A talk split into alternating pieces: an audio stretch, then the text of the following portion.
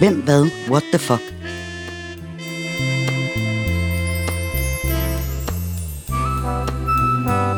Et nedslag i et legendarisk opslagsværk fra før internettet blev født.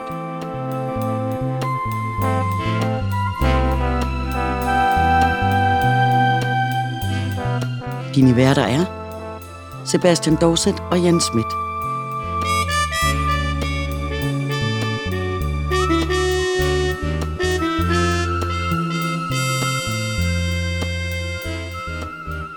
Denne gang anno 1936.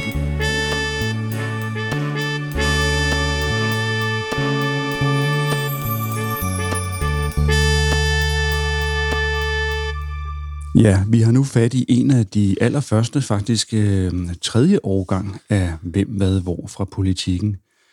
Øh, og her i deres forord, der skriver de også til læseren, øh, for ligesom at gøre opmærksom på, at de altså findes, at... Øh, ja, når man har bogen i hånden, er det rart at vide. At... ja, hvad det er, man sidder med, ikke? Ja. Altså, øh, i, I let overskuelig form indeholder Hvem, Hvad, Hvor netop de 10.000 oplysninger, der giver svar på størstedelen af de almindelige spørgsmål, hverdagen stiller det moderne menneske. Det er lidt af en løfte, de har. Det er, ja. Jeg bliver endnu mere spændt på at gennemgå det her fine ja, ja. årsværk. Og som de skriver, sæt dem hen nu, øh, selvom de ikke søger noget specielt, og kig bogen igennem en gang. De vil da få et begreb om, øh, hvad og hvor meget den egentlig indeholder. En lidt sen salgstale. ja, og det fede salgstalen kommer her, og det kan vi også bruge. Kun alle årgange samlet giver dog den store og uudtømmelige oplysningsbog, som er grundtanken for værket, og vi råder dem derfor til at samle alle årgange. Sådan. Og det samme gør vi til podcastlytterne ja. her. Øh, det er ikke nok at høre en episode eller to. Se nu og få lyttet til dem alle sammen. Ja, der er en del tag efterhånden. Ja. Men øh, ja, lad os kaste os ud i det. Øh, det begynder ja. jo som sædvanligt med de her gennemgange af hver evig eneste dag, og der har jeg slået ned på nogle, nogle, øh, nogle what the fuck-agtige ting. Ja, og du har slået ned til dem fra 1935, fordi de ja. har jo også gjort det, som man gør her i starten af værkets historie, med at man tager historiske begivenheder, der bare er sket på den dag i, året. Så ja. skal jo ligesom, for eksempel slå ned på tilfældigt, ud fra den øh, 20. torsdag den 20. februar, der dør Corfitz Ulfeldt i 1664. Så ved man det. Ja.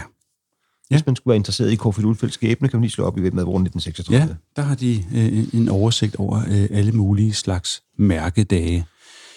Men øh, over ved siden af, der kan man for eksempel læse, at ingeniør Ulrik Pedersen han fremsætter et stort projekt om ved inddæmning og udtørring at gøre Amager større. Ja. Jamen altså, det er godt, Ulrik Pedersen. Jeg ved ikke, om det hvis det er blevet til noget, så er det jo årsagen til, at vi har det fine Amager med, med alle ja. naturreservaterne, vi kender i dag. Eller også er det måske en, en knust drøm om at gøre Amager nærmest landfast med Sverige. Ja. Det kan vi ikke vide. Nej, inddrage hele øh, ja, Øresund nærmest. Øhm, så er der en, en enkelt øh, oplysning, som jeg synes er rimelig what the fuck.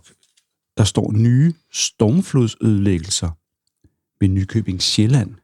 Ja, det er jo, det rejser, det er jo et enigma, det rejser spørgsmålet, har der været mange stormflodsødelæggelser ved Nykøbing Sjælland? Er det noget fast tilbagevendende? Eller det? Jamen lige præcis, det, stormflodsødelæggelser, det er i hvert fald det, jeg husker, det er de øh, sønderjyske diger, som ikke kan tåle mosten ved de, ved de stærke ja, det er storme med den forhøjede. der pludselig ser, ja. Men ja. Nykøbing Sjælland, ja, ja det, det er jo heller ikke sådan decideret, altså. Nej. Er det, er det. Jeg, jeg ved godt, det er nærheden af kysten, men det er jo ikke sådan... Altså... Nej, det, det, det, det ligger jo lidt pakket ind deroppe i, i Nordvestjylland. Øh, ja. Der må ligge nogle omkringliggende byer føles lidt til, altså til sidesat over, at det ikke er dem, der bliver nævnt som, som de hårdest ramte, dem der nærmest er totalt oversvømmet for vandet og helt Nykøbing Sjælland. Ja, forhøjet vandstand i Damhussøen. Sebastian, du plejer jo godt at kunne lide noget med cykelsport, så jeg har også sat lidt øh, krydset ind her ved seksdagesløbene. Mm. Fordi der er noget skandaløst, yeah. fornemmer man her. Der står simpelthen, grosserer C.L. Pedersen, han indrømmer indsmugling af spillekort i forbindelse med seksdagsløbet. Ja, det er allerede heroppe fra den 18. er der også, at Tor, Torvald, Torgild, Torvald Ellegaard mm. indrømmer ved byretsforhør i seksdagsløbene, at han i sin tid har haft aftaler med sine konkurrenter. Ja. Og det er jo det, man sådan set ved med seksdagsløbene, at det ikke er aftalt spil, men der er en form for hierarki, der afgør, ligesom, hvem, hvem kommer sådan til at vinde til sidst, så vi ja. ikke skal sådan, køre om det hele tiden, men vi ja. ligesom har en... Men altså, han har også indsmuglet spillekort af en skandale. Ja. Jeg ved og... ikke rigtigt, det måtte man åbenbart ikke i 36. Nej. Og øh, dagen efter øh, står der, at flere vidner indrømmer i retten, at deres tidligere forklaringer ikke var helt rigtige, som der står. Kæmpe skandale om de seksersløb. Og Willy Falk Hansen indrømmer, at han har sovet samtidig med sin makker. Ja, Ah, men nu står verden jo ikke længere, for Ja, så det- er det jo, altså, så bliver seksersløb en moderne cykelløb, som vi kender det, hvor der rent faktisk er sportsinteressant, og ikke bare nogle trætte, trætte mænd, der triller omkring på en bane. Hvor vi så henne? og så kan man ikke regne med noget mere. Nej, Willy Falk Hansen var ham, de kaldte spejderen, Ja, åbenbart. se det. Som vist nok, og nu kommer til at sværte en mand på grund af min dårlige hukommelse, det, er- det er jo noget, næsten den værste form for sværtning, men det var noget med, at han havde en lidt tvivlsom historie under 2. verdenskrig, men det er vi på vej hen imod. Ja, det kan være, at vi opdager det i... Ja, det må jo simpelthen være at lave en cliffhanger om Willy Falk Hansen og hans eventuelle øh, tyske sympati, ty, sympati under 2. verdenskrig. Åh oh, ja, der. det er derfor, det er dejligt at have dig med, Sebastian. Omme på næste side, der kan man se, hvor øh, man har valgt at prioritere de her små øh, nyheds... Øh, øh, om, omtaler af nyheder. Ud fra søndag den 19. april, der er der simpelthen kun én, én ting, der står. Det er stor brand i politikens hus. Ja, Det var det, man de har talte om. simpelthen ikke tid at skrive mere. Nej. så, var, så var branden alt bare ud. de nåede lige at taste det ned og så skrive. Og så er der et par dage efter en lille øh, notits om, hvad der foregår med hensyn til Tyskland, og vi skal jo tænke på, det er 1936, eller nu mm. er vi jo i, der har vel været deadline her i slutningen af 35, så øh, balladen i Europa, som senere skal blive til 2. verdenskrig, den er jo ved at øh, under opmarsch, kan man sige. Tyskland protesterer i Paris mod Folkeforbundet, øh, Forbundsrådets resolution, og så står der et citat, ingen har ret til at opkaste sig til dommer over Tyskland. Ja, der var de allerede ved at begynde at spille med musklerne. Er lige præcis. Der er også en lille fin notits fra et par dage før, som jeg synes er et godt eksempel. Mm. Der står, Fyns Stiftsmuseum fejrer 50 års jubilæum. Og det synes jeg er fantastisk, fordi at, øh, det viser en god trend for museum. Start dem tidligt. Ja. Hvis du starter et museum tidligt, kan du faktisk bare købe de ting, der er omkring dig på gaden, ja. og så når du har jubilæum, begynder de at være museumsgenstande. Ja, man skal faktisk tage rundt til de store loppemarkeder, og så der om aftenen, og alt uafhængigt, så skal man bare tilbyde at køre det væk. Ja. Så har man faktisk... Køb en gammel lade, kald den øh, Stiftmuseum, sæt tingene ind der, og så om 50 år, så er det faktisk helt fint. Yes. Så kører du.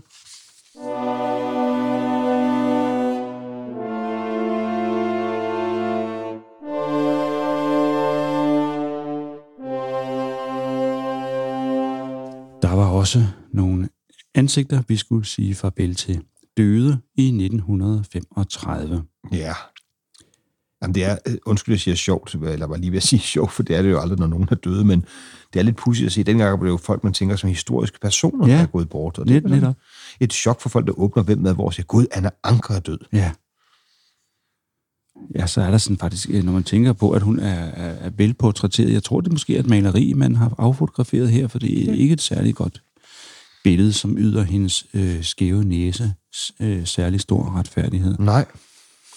Af andre øh, historiske personer, som man nærmest ikke er sikker på har levet, så er der Lawrence of Arabia. Mm. Øh, Oberst Lawrence, som han hed. Ja, og det billede, der er afbildet af, det er i den fulde arabiske øh, påklædning, som han bliver kendt for, der hvor han faktisk smelter ind i sin omgivelser, ja. da han skal rejse et oprør på den arabiske halvø og for englænderne.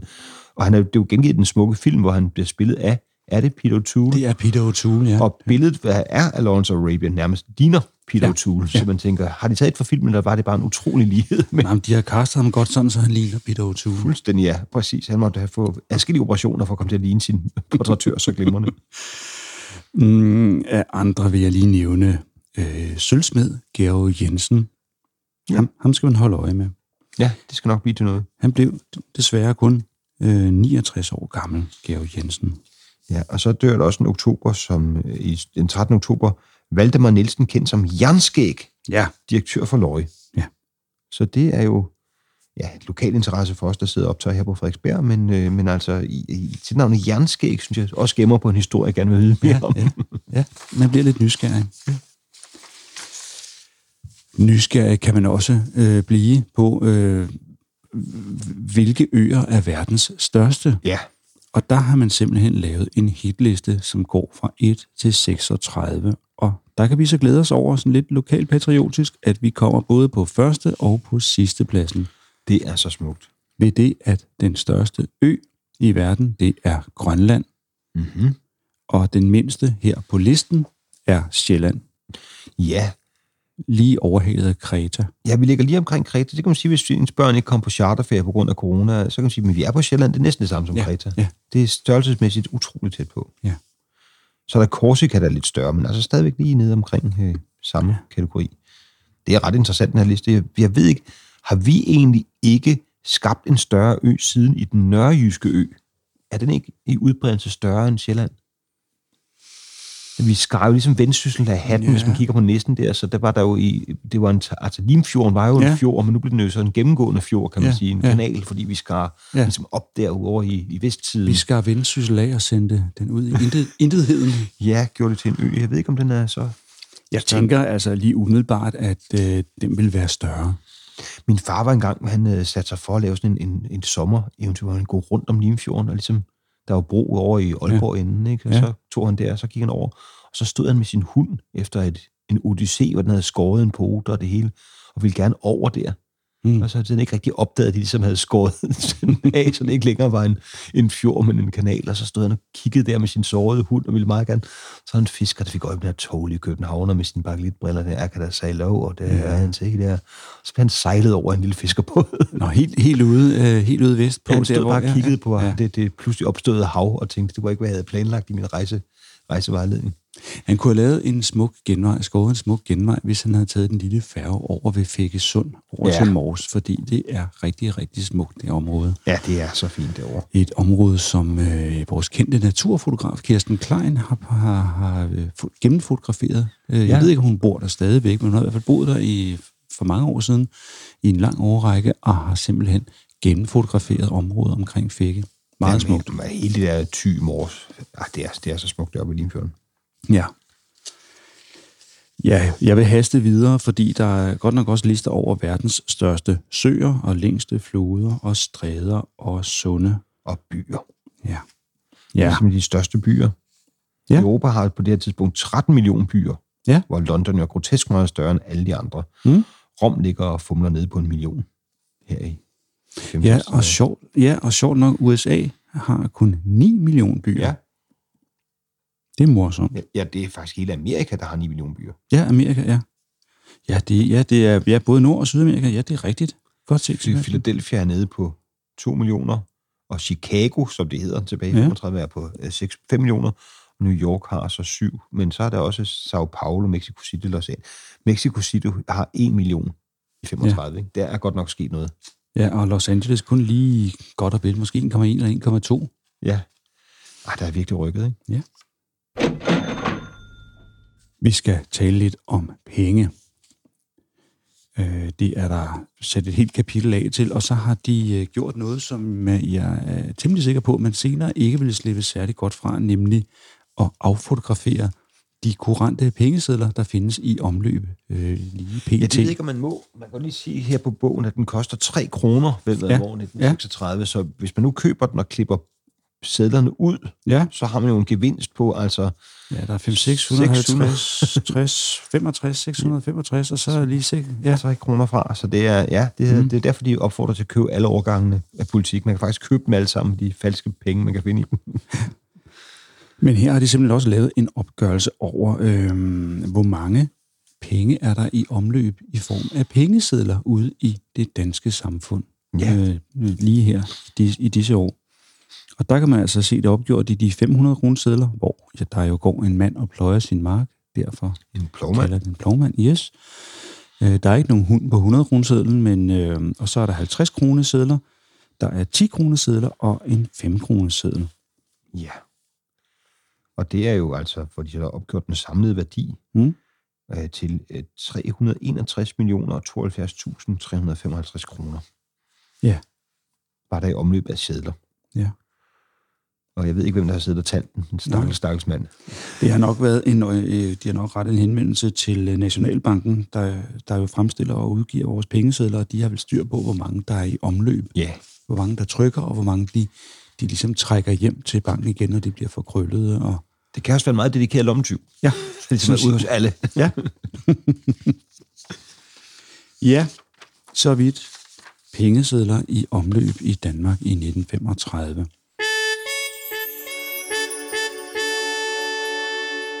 Du lytter til Hvem, Hvad, What the Fuck?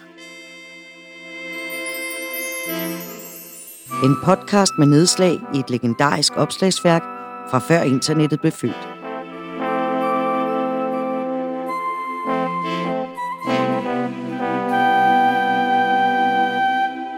En statistik over arbejdsløshed, kan man se. Altså, vi er jo her, som jeg nævnte lige før, vi er jo lige øh, på kanten til fascismens fremtog i Europa, og man har jo tit talt om, at øh, det har været, det var den store arbejdsløshed og den store fornedrelse, der i Tyskland lagde kimen til at øh, og, og banede vejen frem for, at nazisterne kunne få sådan et, øh, et, et, et solidt fundament at stå på i, i mange, mange år øh, frem mod 2. verdenskrig.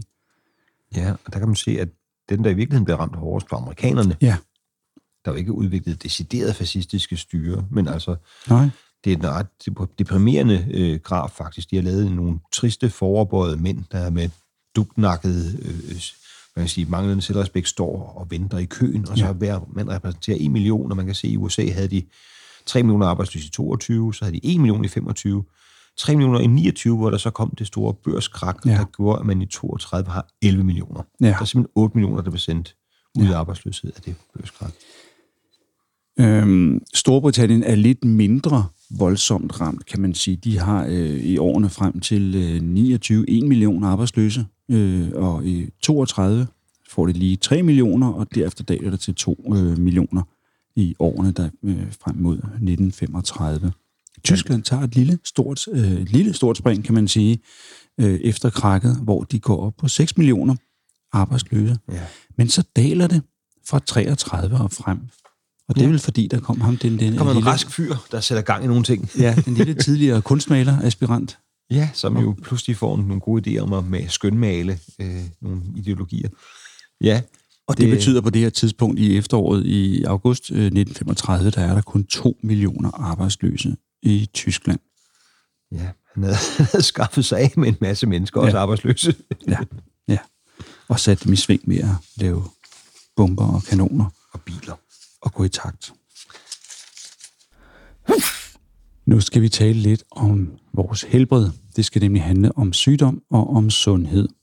Ja, Øh, der er lidt forskellige nedslagspunkter her, hvor man kan, kan kigge lidt på øh, lægetermometeret. Hvad vil det sige, at man har en bestemt temperatur? For eksempel, hvis man har 37,5 grader om morgenen, så er det en normal temperatur. går man Mens- op i 38, er man overnormal. Ja. det synes jeg er et godt ord. Ja, og hvis Hvad man har det syg... Ja, jeg har bare en overnormal temperatur. Ja. Ja. Og der er alle mulige øh, betegnelser. Hvis man har en undertemperatur, så kan man have en stor svækkelse med livsfarlig vending, og mellemstor svækkelse, øh, og det kan man også have i den høje ende. Der kan man have højeste feber, livsfarlig vending. Det Ja. ja. er, skal vi oplyse, på 42 grader. Noget, som måske er lige er aktuelt lige i disse øh, måneder, øh, det kan være inkubationstiderne for nogle smitsomme sygdomme. Ja. Øh, Mildbrand. Ja. 4-7 dage. Gonorré, 1 til tre dage. Det kan man huske. Man kan lige knalde løs nogle døgn mere, før det rigtig sætter sig. Og så er der den smitsomme sygdom, som hedder vaccine. Åh oh, gud. 3 til, står der 5 dage i det her tryk. Ja, Ja, og det er, tør man næsten ikke sige. Hvem kan lytte med og høre, at Ja. vacciner er noget farligt, noget, der står på listen over smitsomme sygdomme? nej, nej, nej. Åh oh, gud. Ja, Men røde hunde har en inkubationstid på 17 til 21 dage. Ja. Det skal man også lige tænke på. Det Jeg, kan ved, man altså ikke, jeg ved ikke, hvorfor man skal tænke på det faktisk, men nu sagde jeg det. ja, man kan i hvert fald det op her på side 223 i 1936-udgaven af Hvem havde hvor. Og hvis jeg må gå tilbage til siden før, Ja, det må du gerne. altså 222, ja. så der har vi det med lægetermometer, hvordan altså 42 grader er den højeste feber og en livsfarlig vending. Der tænkte lige på at sige, at det er godt at oplyse her i midt for dengang tror jeg, det var almindeligt, at når børnene Ja. havde lidt skidt og gerne ville slippe for skolen, at man ligesom tog termometeret, og når mor og far ikke kiggede, lige lagde det på øh, varmeapparatet. Ja. Og så fik den der ønskede højere temperatur. Det er lidt farligt, hvis du nu når Ja. op på de 42 grader, og lægen så kommer løbende, og ambulancen sætter ind på hospitalet, så skal man lige tjekke, før man viser farmor, hvor højt man har fået det op, fordi det kan godt have nogle uønskede konsekvenser. Det var en lille, øh, lille opfordring, en lille, ja. lille hint til, til børn, der det lytter med fra 1935. Ja, det er en, en snydeguide til, til pjekkesyge poder her, at de kan lige tjekke af her med, hvor syg vil du egentlig gerne se ud til at være. Så Præcis, betydelig feber. Er det for voldsomt, så kan jeg jo ikke rigtig komme til fodbold i morgen. Nej. Så lige ned på mellemstærk feber på ja. 39. Og så om eftermiddagen, så kan man få den til at dale til lidt feber, så man kan se, at man er i bedring. Ikke? Så... Ja, og nu har man faktisk lidt brug for at komme ud og lege, ja. for at få det sidste af. Altså. Hvad betyder de latinske sygdomsnavne, står der også lige lidt om. Mm. Alexi, det er taben. Tabet er evnen til at kunne læse. Ja. Og det er fremkaldt af sygdom i storhjernens læsecentrum. Ja. Det er jo smukt, at det står her, så man ligesom kan tjekke, om man lider af alexi. Ja. Så finder man listen og siger, jeg kan slet ikke se, hvad der står her, må have alexi. Atrofi, det er skrumpning af enkelte organer eller muskler. Så er der også simpelthen uh, astma, det er et tilfælde af åndenød, eller astania, almindelig svækkelse. Ja. Det lyder bare lidt finere at sige det på latin, ikke? Ja. Man ikke har rigtig rørt sin krop og fået brugt den rigtigt, og man sidder måske og spiser lidt usundt derhjemme, så kan lægen sige, det er et klassisk tilfælde af astania. Ja. Og så tænker man straks, at det er sikkert noget, noget farligt fint noget. Eller om, men hvad med dig? Du, du er da bare lidt sløj, er du ikke? Nej, jeg tror, det er min astania, som er brugt ja, frem igen. Ja, astania Ja. Og jeg er ikke skaldet, jeg har bare alopecia. Ja. Hvad hedder det ikke? Alopecia. Ja. Sygeligt hårdtab. Sygeligt hårdtab, ja. Åh oh, ja. Og så har det også et øh, corona-relevant øh, ting. Anosmi. An, hmm? Anosmi. Ja. Manglende lugtesans. Ja. Blefaritis. Øjenlågsbetændelse. Og ja, bare ganske almindelig anemi. Det er blodmangel. Det kan man ikke sige, der er i denne udgave af Hvem Madvor. Nej, de går til den. Vi bliver lidt i det her med, med sygdom og alt muligt andet, fordi øh, der er simpelthen også en helt side sat af til vejledning i kunstigt åndedræt efter Schäfers metode. Ja, og der er simpelthen det, det er et punktform, som man kan gå gradvist frem og sikre, så man redder patienten. Dog med lidt lille skrift, vil jeg sige, i forhold til, at, øh, at, at man skal stå her i en nødsituation og redde menneskeliv. Mm. Og den her Schäfers metode, der ligger folk på maven ja. og får kunstigt åndedræt. Ja, ja. Jeg tror måske, at vi skal lade være med at gå i detaljer, inden folk tænker, det er sådan, man gør det nu. ja. Jeg, jeg fæster mig lige ved punkt 2. tag, så lidt, så, tag så lidt tøj som muligt af den skindøde. Gud ja, for at lægen ikke skal tage mere varme. Jeg ved ikke, om man altid overtøj tyk stortrøje skal altid aftages. Jeg ved ikke, regner de med, at man finder folk ude i naturen, eller hvad er det, der får? Jeg ved det ikke. Altså, jeg har en fantastisk historie om det der. Øh, det er så ikke lige kunstigt åndedræt, men det er, vi var i sommerhus med alle børnene, og den på det tidspunkt 13-årige rejser sig pludselig tager sig til halsen og kan ikke rigtig få luft, og han begynder sådan at se appellerende ud, hvor jeg tænker, det er jo godt, jeg har lært den her Heimlich-manøvre på førstehjælpskursus. Så jeg er helt roligt bare rolig og tager fat og giver lige et par skub der på, på mellemgulvet, og så kommer der også en kød, et kødstykke op, der har siddet og klemt, og han trækker vejret og kaster sig i armene på sin mor, og alt er godt. Hvorfor det går op for mig? Jeg har aldrig lært det på førstehjælpskursus. Jeg har kun set det på film. hurra for Hollywood. ja, hurra for Hollywood, der redder liv. Jeg var så selvtillidsfuld, for jeg havde simpelthen set det så mange gange. ja. Hvad er oddsene for, at man skal få brug for det? Ja, i det hele taget. Hvad er odds? Åh, oh, det er godt at få forklaret. Ja. Forklar det, Sebastian. Ja, det er det tal, står der her, der angiver, hvor mange gange spilleren får sin indsats igen, når han vinder i totalisatorspil. Eller i dag kan man jo spille på hvad som helst. Ja. Så der står, at øh, odds er 3,0 på, at AGF får det første indkast, jamen så får du pengene tre gange igen, hvis ja. du spiller på det. Og det, kan jo, det er jo så over halvdelen, kan man sige, så det er et god odds. Ja, og det vel fordi, der er nogen, der sidder og kalkulerer på, hvor stor er sandsynligheden for, at det her sker. Vel? Ja, for eksempel ude i danske spil sidder der en masse mennesker. De tilbyder også nogle gange spil på lidt andre fænomener end sport. De har for eksempel underholdning, hvem vinder Vild med Dans, eller hvem ja. vinder X-Factor, øh, hvem vinder det amerikanske præsidentvalg, hvem bliver den næste statsminister. Så nogle gange, når pressen har en interesse i at gøre noget mere spændende, end det måske er, så kan man altid lige gå ind på danske spil og tjekke oddsætningen ja. på, at det faktisk ikke er særlig spændende, hvem der vinder et bestemt valg, eller ja. noget, at det nærmest er afgjort, fordi oddsætterne, der ligesom taber penge på at tage fejl, de skal i hvert fald ikke have noget klinket der. Så, nej, nej. så når Danmark møder øh, Syd-Montenegro, øh, i det nye udbrudernation i en håndboldkamp, og kommentatorerne siger, at det bliver meget spændende. Kan man lige åbne dansk spil? Det gør det overhovedet ikke. Der, der er ingen chance. Jo, Mikkel Hansen skal vi kval i sin egen tunge, så har vi en risiko for at kun at få udgjort, men ellers så... Hvis det var, at vi havde haft billeder på den her podcast, så kunne vi have talt lidt om de her øh, oversigt af spor af dyr og fugle, hvor man kan lære at identificere en hare, en rådyr, kronhjort, en hund og en kat, eller en odder, en mor, en ilder, ved at simpelthen genkende deres fodspor i sneen. Ja, de har sat nogle fine, fine fodspor op, og så lavet lidt quizagtigt ved, at det på den ene side, der er fodsporene ja. i nogle flotte kasser med numrene 1-18, og så siden af står der faktisk nederst på siden, hvilket dyr det er. Så man kan ligesom sige, nå, ja. jeg vil gætte på, det er en, og så tilbage og sige, jeg tog fuldstændig fejl. Det ja. var ikke en dinosaur, det var en lægkat. Ja, det vil sige, man kan også tage hvem med hvor frem i regnvejr og sidde og fordrive tiden med en lille quiz. Ja. På samme måde, som man jo også kan løse en quiz om øh, Hvem med What the Fuck-podcasten. Det er rigtigt. på vores Facebook-side. Du har simpelthen lavet, lavet quiz, ja. som man kan gå ind og se, ja. hvor man hører efter. Og det er ja. jo ikke, fordi vi mistror folk, og det er jo ikke, fordi man skal absolut, øh, man kan sagtens øh, blunde lidt hen og, og bare nyde at, at høre, hvad vi har fundet frem. Men, øh, men der er en fin quiz om året 1961, er det korrekt? Jo, og der er også en om 1970. Ej, ej, ej, ej. Og det er jo planen, at de kommer alle sammen, så man kan teste sig selv. Ja. Ja, det næste ved jeg ikke. Det synes jeg bare var lidt sjovt at se en lang liste over politikens kronikker. Gud ja, de har simpelthen øh, genoptrykt alle, alle de kronikker, de har fået øh, banket af i løbet af året. Der er simpelthen en liste tilbage fra oktober 34 og frem med alt, hvad de har synes var interessant at bringe i årets løb. Ja, og nogle af overskrifterne på kronikkerne er ret sigende, andre, andre er ret intet sigende, eller for eksempel den, som hedder Efteråret 1934, som er skrevet af forfatter øh, og maler øh, Mogens Lorentzen.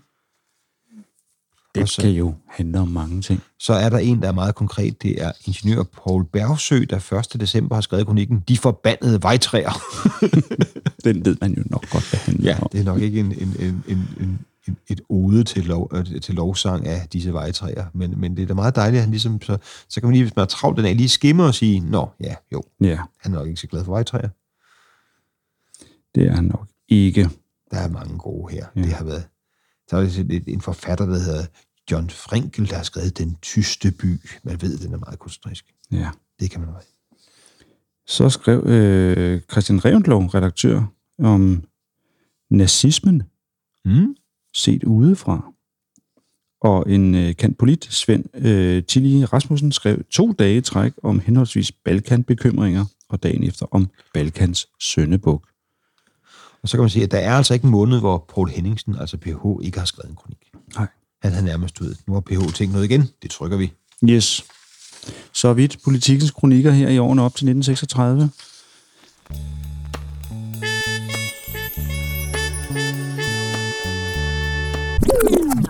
Man har også valgt at lave et kapitel, som handler om bibliotekernes bøger, deres ja. ordning og opstilling. Simpelthen øh, de 10 fagklasser, som biblioteksbøger er opstillet i. Ja, decimalklasseafdelingen. Ja, og det var, øh, hvad kan man sige, anvendeligt før den øh, elektroniske datasøgning ligesom blev en realitet, hvor man bare gik ind og skrev på, jeg vil gerne finde noget med, hvad er der skrevet om eller af Paul Henningsen ja. for eksempel. Der skulle man lige tidligere finde ud af, er det, er det, er det skrifter af blandet indhold, eller er det filosofi, er det samfundskundskab, er det ja. naturkundskab, eller er det litteratur, kunst, musik? Er det en biografi hen under ja. 99.4? Ja, lige akkurat. Og det kunne man så bruge den her decimal klassedelingen af bøger til. Jeg var faktisk relativt ung, da jeg kunne den. Fordi min øh, moder er bibliotekar. Ah. Og nogle gange, øh, fordi det også skulle være lystigt at være mig, så kom jeg med ud, da hun var med bogbussen. Og så var det lidt hyggeligt at få hende at snakke med chaufføren, og så hendes søn kunne ligesom underholde sig selv med at sætte bøger på plads. Og når det var decimalklassesystemet, skulle man lige kende klasserne for at... Ja. Så det kunne jeg godt. Men det er jo også ret fantastisk. Også når man i øvrigt slog op, eller fik at vide, eller fandt et kartotekskort med, at netop denne her bog, som handlede om om østrisk parlamentarisme, og så fandt man altså ud af, at øh, den stod under de her underbogstaver, og øh, nu, sådan modsat øh, den skønlitterære afdeling, hvor ting jo bare stod efter alfabetet, ikke? Altså, ja. øh, Anders Bodelsen kom før øh, Paul Henningsen for eksempel, ikke? Jo. Øhm, så skulle man lige øh, greje det her decimale klassesystem, at man skulle finde den her bog hen i slutningen af hylden, hvis den hed noget med punktum et eller andet 99. Ja, alle har prøvet, at har været på biblioteket, at finde sådan en bog, at det er faktisk mange forskellige delinger, man kan sådan stå og kigge ned ja, over. Det, må, det må jeg lige have nærhedsfinder, der er masser under 36. Ja. Det er ikke bare lige én ting, der er nej. mange underinddelinger. Der er mange ting at forstå. Svært kan det også være at forstå, hvad betyder de fremmede forstavelser mm. og endelser på vores ord. For eksempel ved øh, i ambivalent. Hvad betyder ambi så? Jamen det betyder dobbelt eller tve. Mm, Ligesom ham der Ambi Petersen. Ja. Jamen han var også øh, så dobbelt nogen. Eller. øhm, derma, det er noget, der handler om huden. Ja. Øh, dermatologi, det er simpelthen læren om hudsygdomme. Og ja, geo, det handler om vores jord. Geografi, geologi. Ja, kryso er noget med guld. Det Ja. vidste jeg faktisk ikke. Ja. Og det står simpelthen her under kapitlet, som handler om fremmede ord. Mm. Og så er der også efterstavelser, så for eksempel øh, form er Ja. lignende, konform er overensstemmende. Ja, Det er et virkelig eksempel, der slet ikke siger noget med lignende, ja. men altså okay. nemlig En hippolog er en hestekender, så ja. ved vi det. lidt mere down to earth bliver kapitlet, som kommer lige efter. Det øh, hedder simpelthen, hvad betyder mit fornavn? Det er bare at give den gas, der er en fine opdelinger af. Det, det er et begrænset antal fornavn, men det, de var måske også lidt færre tilbage i midt-30'erne. Men, øh, men i hvert fald så kan man lige slå op og sige, jeg hedder Frederik. Mm. Det kommer af Fritz, tysk den fredelige eller mægtige. Ja. Den mægtige fredelige. Rimelig what the fuck er det, hvis man hedder Åge? For det er oldnordisk, og tydningen er lidt usikker, men han er han- enten er han stamfader, eller han er plovmand. Ja, Hvad koster den her? Den koster lige en Åge. vi opfinder vores eget slang med lidt tilbagevirkende kraft. Ja. Det vil sige, at hvis man låner 500 kroner, kroner sedler ud, så er man en ågekal. Nej. Min øh, morfar hed Arne, og det er oldnordisk for ørn. Ja. Så ved vi det. Edvard, det er engelsk oprindelse, og det betyder simpelthen den, der vogter sin rigdom. Så ja, jeg er ward, ward, ward. Ja, det kan man godt regne sig frem til, om man nu ved det. Det er altid nemmere på den måde. Ja. Så Ocean, det er græsk, betyder den velskabte eller er god slægt. Ja. Og det er jo igen det der med, hvis man er af tilstrækkelig god slægt og dermed velhavende, så behøver man ikke være så velskabt igen. Nej. Det er, fint nok. det er godt, at det er synonymt. Det fortsætter på næste side med, at øh, der er, udover der er lidt flere øh, kvindelige øh, navne, Mm. så er der, øh, øh, ja, vi kan se, jamen, øh, Åse, det betyder simpelthen Gud inden på oldnordisk. Ja. Og Augusta betyder ophøjet og er værdig. Ja. Det er ikke et navn, der er udbredt endnu. Nej. Og det er sjovt, hvis man kigger over hos herrerne, så betyder August lige præcis det samme. Blot, blot gældende for en dreng. så er det det gode klassiske efternavn Ubbe, eller fornavn Ubbe. Hvis man Ja. ja. hedder Ubbe, det er der jo mange, der gør, så betyder det ulven. Ja, Ja, ja. Ja. De har taget alle de gode med. Også øh, Theobald, Mm. som jo er et fornavn, som alle kender, der betyder menneskeklog. Det er godt at vide, hvis vi nu ja. møder en Theobald. Ah, menneskeklog. ja. Og han siger så, du ved da, at vi Theobalderne hader at tale om vores navn. Mm. Så jeg er jo var ikke menneskeklog. Og der er nogen, der er lidt kortere, og så er der nogen, der er lidt længere i øh, forklaringen. For eksempel øh, Jenny eller Johanne, det er den, som herren har behandlet noget. Det er jo et smukt navn, ja. Ja. Så er der Judith, Jutta og Jytte, som er hebraisk for virkelig kikset navn. Nej, for beherskerinde. Nå, ja. Ja, det er også måske derfor en af de få årsager til, at der er så få børn, der bliver kaldt Judith, Jutta og Jytte. Og så ser man nogle ting, som lige er nogle afledninger af hinanden. For eksempel en Ursula, det er en, øh, det er en, en, en, en feminin diminutiv af Ursus, af det latinske er en bjørn. Mm. Det vil sige, at Ursula, det er en lille hundbjørn. Og det har så fået en, ja, måske fordansning eller forvansning til Yrsa, som er den oldnordiske for en hundbjørn. Ah, Ja. Så det er sjovt, de hænger sammen, altså oldnordisk og latin. Og så er der også en, øh, en, en der godt kan skabe en form for øh, øh, bebrejdelse. Det er det græske ord for ren, Mm? har givet os navnet Katarina, Katarina, Karen, Trine, Karin, Kate, Ketty, Kitty, Karna, Kajsa, Katja, Katinka. så der er åbenbart mange navne, de ja. bare står sammen, der betyder ren. Det er nok, fordi det kommer af, af førstnævnte, ikke? Er det, Jo. Ja, Så det er bare for at skabe den, det er jo ment med at skabe splid, at alle disse navne skal finde sig i, de bare er nogle ikke, ikke inkurrente versioner af Katarina. ja. I det hele taget dykker de meget ned i her, hvad er oprindelsen til de her ord og navne. Det gør de også med dagens og månedernes navne. Og øh, en lille morsom ting her, det er, at listen starter med søndag, altså ugen starter med søndag her. Ja, Det, det plejer vi jo normalt ikke at gøre. Det er noget, man, det er sådan lidt angelsaksisk, at, at, at ugens første dag er en søndag i engelsksprogede lande. ja. Det er meget... Øh, Ja. Søndag, ja. Ordets første led betyder sol. Øh, på forskellige engelske, øh, på engelsk er det sun, tysk sonne. Øhm, ja, Ja, og det er ret sjovt at se, fordi at vores navne, dagen, ugenavne er opkaldt efter guder. Altså Ja. nordiske guder primært, udover øh, lørdag, som er badedag, og øh, Mm. søndag, som er solens dag. Så, men de ugedage, vi ligesom er opkaldt efter guder, dem har andre lande jo også opkaldt efter de tilsvarende guder. ja, Altså fredag er Venusdag, dies Veneris, vendredi på fransk, og i nordisk mm. så er det så frej, frik eller freja. Ja. Så det er fredag, frejas dag. Ja. Det er den samme med kærlighedsgudinden der, ja. som vi så bare har oversat og stjålet. Lørdag betyder simpelthen badedag. Ja, her i nedlukningen, så Ja. kan jeg også sige, det er meget sådan, jeg ja. lever mit liv. fordi øh, det oldnordiske laug betyder bad.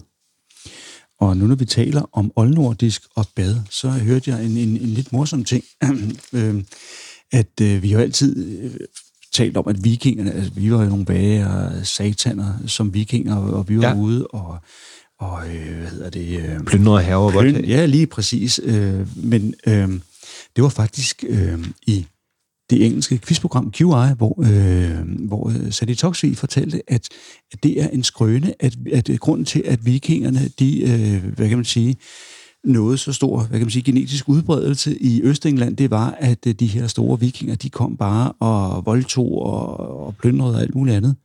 Nej, det de gjorde, de øh, gjorde sig i stand, de tog et bad og soinerede sig. Grunden ja. til, at, øh, at kvinderne de ville have dem, det var simpelthen, at de havde faktisk lige ret håret og haft et bad og måske puttet noget duftevand og lige børstet tænder. Ja, det ser det sidste i England er jo lidt en mangelvare, når man ser. Ja. Nej, uden at være fordomsfuld, så lavede de en genetisk undersøgelse på Færøerne for nogle år siden, Ja. som finde ud af, hvad var urmassen. Ja. Øh, og de har så fundet ud af, at det var øh, vikinger, der var rejst ud fra Norge, og der, der havde bosat sig typisk, men kvinderne nedstammede alle sammen fra England. Altså de første kvinder Ja. på Færøerne. Fordi ligesom de havde sejlet ud og tænkt, hvis vi nu skal bo her fast, skal vi nok også have nogle damer. Ja. Og så er de sejlet forbi England og taget de pæneste, Ja. og sejlet dem til Færøerne, og så, så var englænderne efterladt med alle de andre. Ja.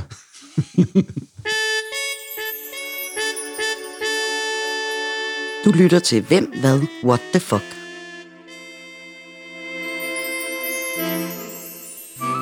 En podcast med nedslag i et legendarisk opslagsværk fra før internettet blev født.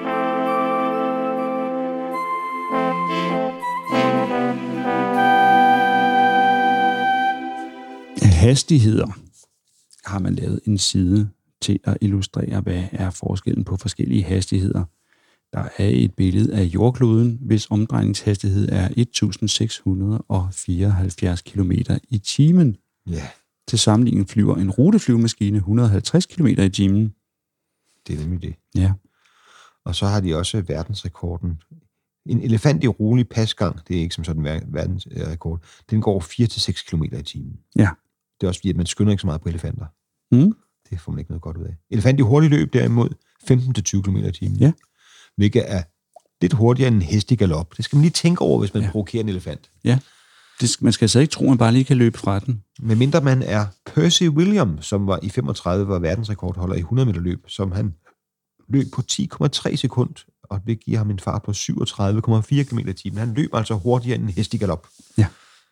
Det er godt Percy. Jeg synes, det er nogle hyggelige tegninger. Det mest what the fuck, det er blandt de her øh, flyvemaskiner og elefanter i, i, i løb og en hare og, og en snegl, som øh, bevæger sig med 5,4 øh, meter i timen, så har man valgt en bambusrør. Så tænker man, det løber ikke særlig stærkt.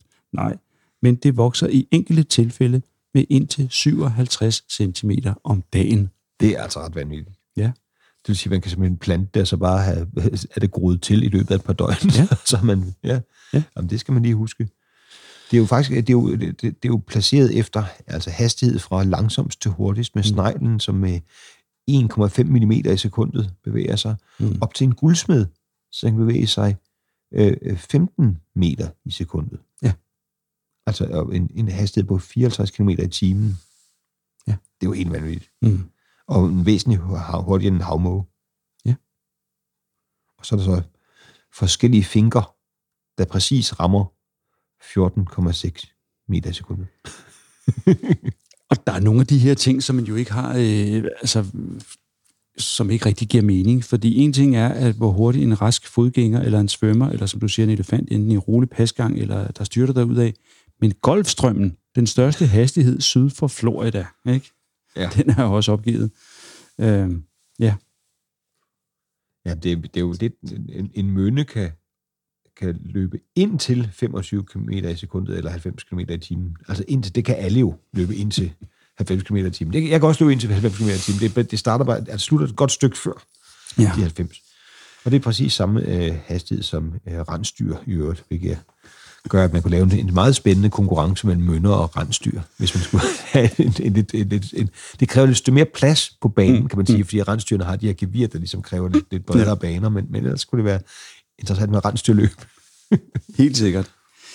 Sneglen nævnte du som den langsomste, så kommer skildpadden, og de bliver så lige umiddelbart overhalet af noget så, øh, hvad kan man sige, poetisk som foråret ved sin fremgang fra syd til nord. Jamen, det er altså også ærgerligt, at snart bliver overhældet af foråret. Siden årstiderne skifter hurtigt, når jeg bevæger mig, så er med, man skal til at træne. Ikke? Vi er kommet til at tale om forbrydelse og dom. Store ja. forbrydelser i Storkøbenhavn. Gennem de sidste 50 år har man så lavet en af de her, de her hvad hedder det, optegnelser, som går tilbage. De her historiske oversigter, kunne vi kalde det. Ja, vi ved jo fra, fra for, foråret, at man skal nå op på 10.000 oplysninger. Så man har simpelthen kæmpet med nogle... Så er det om at komme i gang her på side 304. Ja, champagne-skrædderen. Han var en bifigur i den store sædelfalskner-affære i 1883. Han udgav 100 kroner sædler som boghandler. Karl Riemenschneider og bogtrækker Benedikt Sally Salmon fremstillede. De Ja. falskmønterne fik seks år i forbedringshus hver. Jeg ved ikke, om de er blevet regnet fra, de sædler, han fremstillede i de år, dem, der er i omløb i det år. Ja. Det håber vi, de har fået, lige fået champagne-skrædderen ud af ligningen. Ja, der, er Øh. nogle, øh, der er nogle af disse sager, jeg har læst om, eller hørt om i True Crime Ja. podcast. Der er jo simpelthen øh, liget i Tønden kontor Mm. mm. ud Johan F. Meyer, der blev myrdet af fabrikant Philipsen. Ja. Ja, Ja, så er der selvfølgelig Alberti, som øh, den store skandale, den gider jeg ikke at snakke om, men til gengæld Lampevejsmordet. ja det lyder lidt bedre. Ja, Lampevej. Ved du, hvor Lampevej ligger? Nej. Den ligger faktisk her på Frederiksberg. I Gør dag, den det? I dag hedder den Hovidsvej. Når det er Hobbitsvej, Ja, og grunden til, at den hed Lampevej, det var jo fordi, og jeg ved så ikke, om det var Hovits, men der boede en fødselslæge, mm-hmm. øh, øh, muligvis en jordmor, på Lampevej. Og for at de her fædre til, til vortende møder, som lå der midt om natten i fødsel, at de kunne finde vej, så hang der altid en lampe, så de kunne finde vej hen til fødselslægen. ja. Derfor kom den til at hedde Lampevej. Jeg ved ikke en pind om Lampevejsmordet. Nej. Øh, Men nu har man jo øh, nu har man lagt byretten der. Ja. Så ved man da, at øh, hvis man skal de, finder et, et, et, et mor i grøften, så er det nok noget, så er der kort vej til domsfældelse. Ja. Og jeg tror i øvrigt ikke, er han fødselslæge, ham Hovits. Jeg tror, Hovits han havde noget at gøre med Frederiksberg Hospital, som også ligger lige hen om hjørnet. Ja, det vil give god mening i hvert Ja. fald. Men der er virkelig mange drab. Ja. Oh, Dagmar Overby myrdede 10 spædbørn. Det var hende, som brændte dem af. Hun afhentede dem øh, under ja. foregiv af, at hun ville at det, det var sådan uønskede børn, eller Ja. ja. øh, som møderne ikke kunne tage sig af, at så ville hun give dem videre, og, og, og så videre. Ja, øh, og dem aftog hun hjælp de her øh, ulykkelige Ja, hun blev opdaget af en mor, der fortrød, ikke? Ja, og og fulgte kom efter. tilbage, og der ja. lå barnet altså allerede og var blevet futtet af i, i øh, kakkeloven. I, Ja. Med, øh, med lidenhedsdrabet den 2. december, fru B.W. gav sin syge moder pantopon, så hun afgik ved døden. Og datteren fik altså tre måneders simpel fængsel for hjælp til selvmord. Det måtte man altså heller ikke. Den. Nej, men det er en meget mild dom, kan man sige. Ja. Så er der også hypnotisørdrabet Ja. den 7. februar 1934, altså aktuelt i denne bog, kan man sige, mm. skød hypnotisør Georges Frisinet sin hustru ned på sin hvilevej hos hendes forældre. Det var et jalousidrab. Og det er også her på Frederiksberg. Ja. Det har været et dramatisk kvarter, vi bor i. Og han fik altså også kun, vil jeg sige i dag, seks års fængsel. Det synes jeg var lidt mildt sluppet dengang. Ja, det var en crime of passion. Ja. Petersen, glimrende mål. Og træffeligt dirigeret hovedstød der af Bjarne Petersen på Bostrøms lige så udmærket set indkast. Vi er nået til sporten, Ja, og øh, det, som vi ynder at tale om, nemlig Danmarks turnering i fodbold. den skal lige med, ja. Ja, den fylder godt nok kun en kvart side, men Sebastian, vil du lige opsummere? Det kan man jo godt. Det var en meget københavnsk affære, denne, denne overgang. Mm. Ikke så meget fordi, at boldklubben fra Amager blev nummer 10 i den bedste række, men mere fordi, at nummer 1 blev boldklubben af 19 1893, altså B93 fra København. Mm. Så er det boldklubben frem fra København. Så er det Københavns Boldklub fra København. Og Akademisk Boldklub, der også på det tidspunkt var fra København. Ja. Så det har været en rimelig øh, ensidig affære, især fordi B903 lå nede på 7. pladsen. Og så var det egentlig kun Esbjerg på 4. pladsen, Aarhus og Aalborg, der ligesom kom med fra, fra ja. hovedlandet. Ja. Så det, har været, det var jo også dengang, at det, var- der var, gik mange år før nogen uden for stævnet, som man kaldte det, vandt øh, Danmarks turneringen.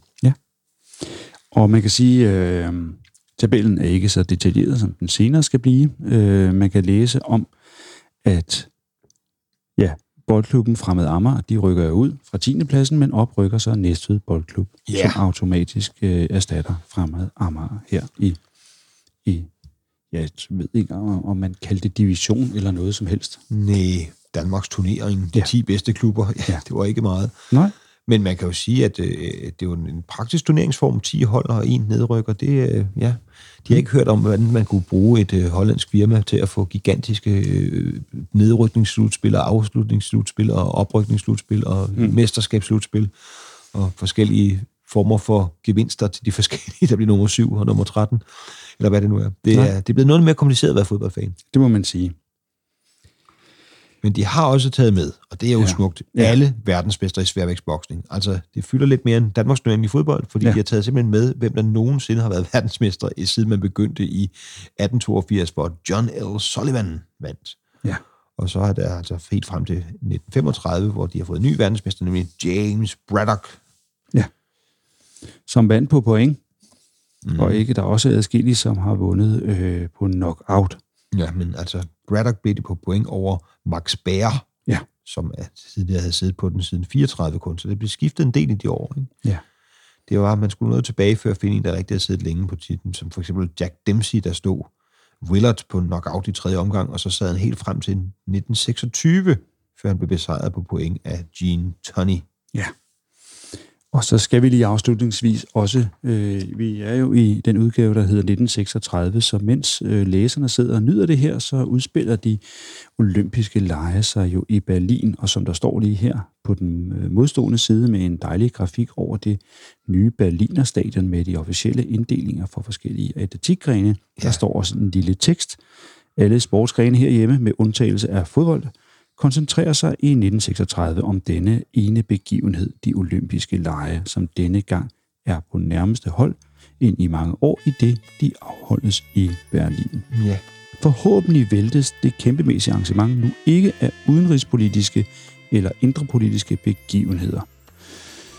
Ja, de tyske sportsledere, som indtager fremtrædende stillinger inden for nazistpartiet, har tvunget af omstændighederne erklæret, at raceproblemet ikke vil eksistere ved de olympiske lege. ja, det er en god erklæring Ja. at slutte af på. Ja, hvordan er der en bedre måde at gå ud af den her episode om 1936, Sebastian? det kan der ikke tænkes. Nej. Vi siger tak, fordi I havde lyst til at lytte med så længe.